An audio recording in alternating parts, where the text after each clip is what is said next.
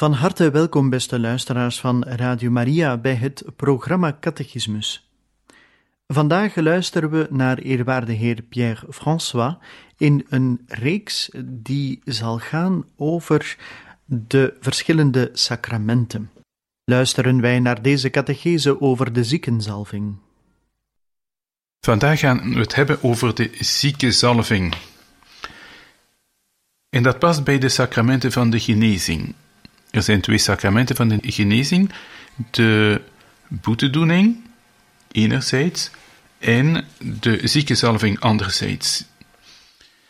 In de catechismus van de katholieke kerk zegt ons dat door de heilige ziekenzalving en het gebed van de priesters, dat de gehele kerk de zieke in handen van de leidende en verheerlijkte Heer legt, opdat hij hen zou opbeuren en behouden. Laat ons eerst kijken waar de ziekenzalving vandaan komt en hoe ze geplaatst wordt in het kader van de heilsgeschiedenis. Eerst een kleine existentiële overweging. Ziekte en lijden behoren tot de ernstigste problemen waardoor het menselijk leven beproefd wordt, want in de ziekte ervaart de mens eigenlijk zijn onmacht, zijn beperktheid en zijn eindigheid. En bovendien is elke ziekte een beetje een voorbode van de dood. En het is begrijpelijk dat de ziekte kan leiden tot angst, of toch tot terugval op zichzelf, zelfs tot wanhoop en in bepaalde gevallen opstandigheid tegenover God. Maar de ziekte kan ook op een positieve manier benut worden, bijvoorbeeld om een grotere rijpheid te bereiken, om te onderscheiden wat in het leven niet wezenlijk is, om zich te keren tot hetgene dat, wat dat wel is. En heel vaak toont de ervaring ons aan dat de ziekte ertoe leidt God te zoeken. Paradoxaal genoeg. Wel, in het Oude Testament heeft het volk van Israël ervaren dat ziekte op een mysterieuze wijze met zonde en kwaad te maken heeft.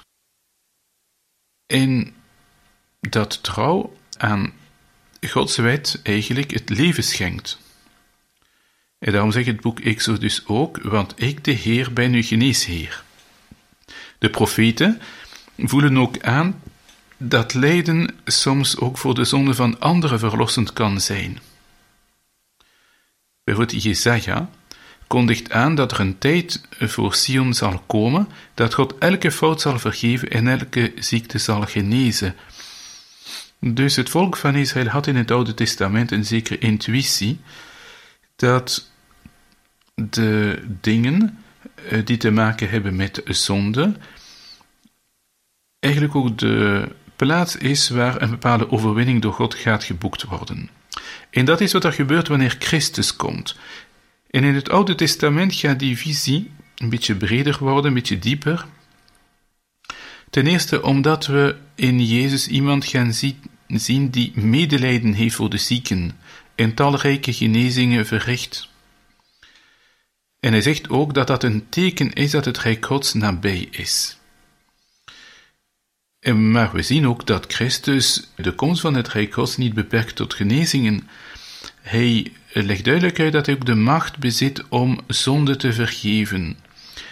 Eigenlijk wil hij de mensen niet alleen maar genezen naar lichaam, maar naar ziel en lichaam. En eigenlijk, hij is de geneesheer die niet alleen maar de mensen, maar ook de zieken, de zondaars nodig hebben. Wat hij komt brengen is eigenlijk een, diep, een diepe oplossing voor de mensheid. Het is ook zo dat Jezus vaak vraagt dat de zieken in hem zouden geloven. En wat hij dan doet, hij gebruikt tekens. Een bepaalde keer gebruikt hij speeksel, een andere keer een handoplegging, slijk. Hij vraagt soms dat de mensen zich afwassen. Hoe dan ook, de zieke wil hem altijd aanraken. Wel, dat zijn allemaal mm, tekens dat Jezus die macht bezit en dat de mensen daardoor aangetrokken zijn. En eigenlijk wat er nu gebeurt in de sacramenten, vandaag, hm, dat is dat Christus niet ophoudt de mensen aan te raken om te genezen. Dat is eigenlijk een sacrament. God raakt ons aan om ons te genezen van de diepste ziekte en dat is van de zonde. Eigenlijk de grootste overwinning die Christus heeft behaald, dat is door zijn lijden en dood op het kruis, want dan heeft hij aan het lijden een nieuwe zin gegeven. En voortaan geeft Christus ons de mogelijkheid om met hem gelijkvormig te worden. En zodoende kunnen we ons verenigen met zijn verlossend lijden. Tot de leerlingen zegt Jezus ook, geneest de zieken. En hij geeft zelfs aan bepaalde mensen door de Heilige Geest een speciale gave om ziekte te genezen. Niet iedereen bezit die gave. En meer nog, God laat zien in de Bijbel, in de openbaring, dat het gebed, hoe intens ze ook mag zijn, niet altijd genezing van ziekte verkrijgt. Bijvoorbeeld Paulus, die vraagt met aandrang verlost te worden van iets hè, dat hem in zijn vlees kwelt. En hij krijgt van de Heer te horen, je hebt genoeg aan mij genade. Kracht wordt juist in zwakheid volkomen. Dat betekent met andere woorden dat God soms laat begrijpen door de mensen dat het heil niet komt samen met de genezing, maar samen met de genade die helpt die ziekte te heiligen op de passende manier. Nu laat ons eens kijken naar wat de kerk nu doet met de zieke. Ze geeft aan de zieke de ziekenzalving. En dat gebeurt omdat de kerk vanaf het begin, ten tijde van de apostelen nog, een specifieke ritus heeft gekend ten gunste van de zieke. En de heilige Jacobus getuigt als volgt in zijn brief daarover. Is iemand onder u ziek? Laat hij de presbyters, de oudste, van de gemeente komen. Ze moeten een gebed over hem uitspreken en hem met olie zalven in de naam des Heren. En het gebed en het gelovige gebed zal de zieke redden en de Heer zal hem oprichten. En als hij zonde heeft begaan, zal het hem vergeven worden. Tot zover de woorden van Jacobus. Bij de overlevering van de kerk heeft in deze ritus een van de zeven sacramenten van de kerk erkend. Waarom een specifiek sacrament? Wel, er zijn bepaalde situaties in het leven die uniek zijn, zoals ziekte en dood. En daarom mm, heeft de kerk geloofd en beleden dat een van deze zeven sacramenten in bijzonder is om de mensen te sterken die door ziekte beproefd worden. En dat is dus de ziekenzalving. Het gaat jullie niet verbazen te zien dat de catechismus van de katholieke kerk, die in de 20e eeuw is uitgekomen, niettemin het concilie van Trente citeert, en zeker in verband met die sacramenten van de genezing, boetedoening en de ziekenzalving, evenals de Eucharistie, want in die tijd van het concilie van Trente waren dat juist twijfelpunten over het geloof. Wel, Trente zegt het volgende over de ziekenzalving. De heilige ziekenzalving werd door Christus onze Heer ingesteld als een sacrament van het nieuwe verbond. Een sacrament in de waarachtige en eigenlijke zin van het woord. Door Marcus werd het bedekt aangeduid. Maar door de apostel Jacobus, de broeder des Heren, is het aan de gelovigen aanbevolen en uitdrukkelijk verkondigd. Inderdaad, niet alleen maar Jacobus spreekt van ziekenzalving, maar ook het evangelie van Marcus. Maar het is een beetje gesluierd. Het is uh, maar achteraf dat we zien, ah ja, inderdaad, daar zit het in. Wel, in de loop der eeuwen werd de ziekenzalving steeds meer toegediend aan hen die op het punt stonden te sterven. Vandaar dat men beetje bij beetje gaan spreken van het laatste oliesel, of de laatste sacramenten. Hm? We zullen straks zien dat de laatste sacramenten, dat is eigenlijk de Eucharistie, gegeven als viaticum. Hm? Maar daar komen we nog op terug.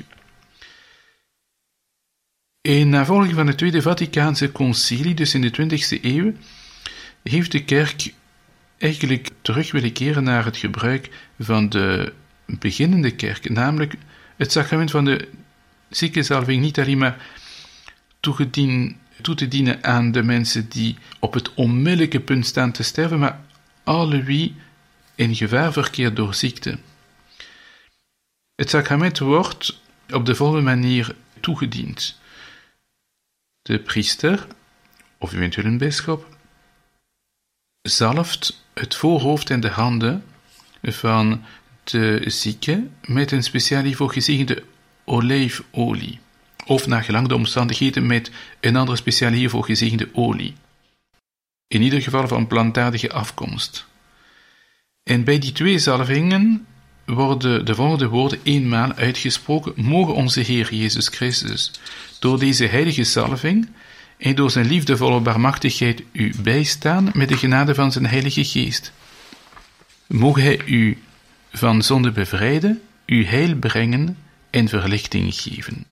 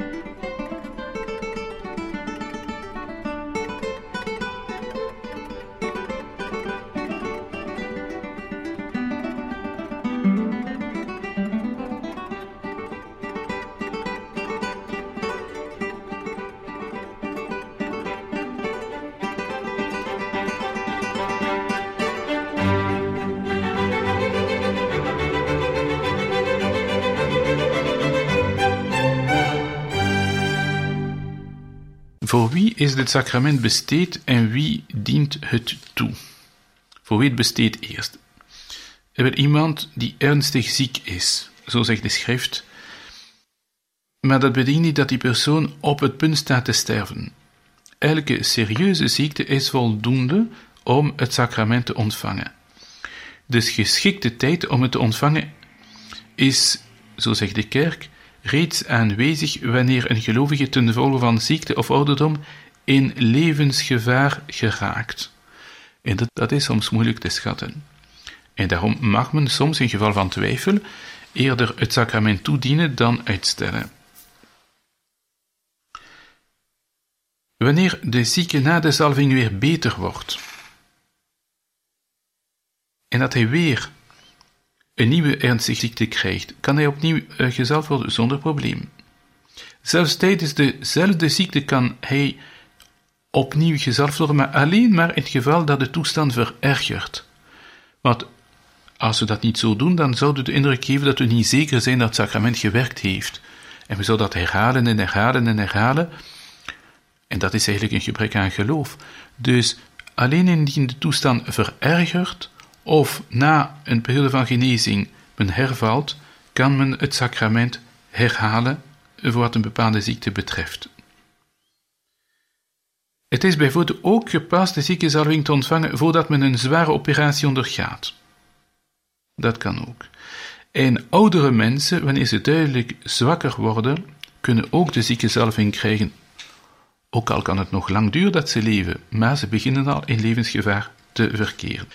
Wie kan de ziekenzalving toedienen? Wel, daar is de kerk enorm duidelijk in. Enkel de bisschoppen en priesters, of presbyters, een presbyter is een priester die geen bisschop is, zijn de bedienaars van de ziekenzalving. Dus een diaken mag dat niet doen, een leken mag dat niet doen. En dat is ergens wel te begrijpen, want de ziekenzalving is verbonden met de vergeving van de zonde. Als de zieke bewusteloos is, vervangt de ziekenzalving eigenlijk de biecht, want er is een onmogelijkheid om te biechten. En dus kan de ziekenzalving die zonde vergeven. Wel, het zou niet logisch zijn dat de zonde die door priesters moeten vergeven worden, ineens via een achterpoortje door een leek zouden kunnen vergeven worden.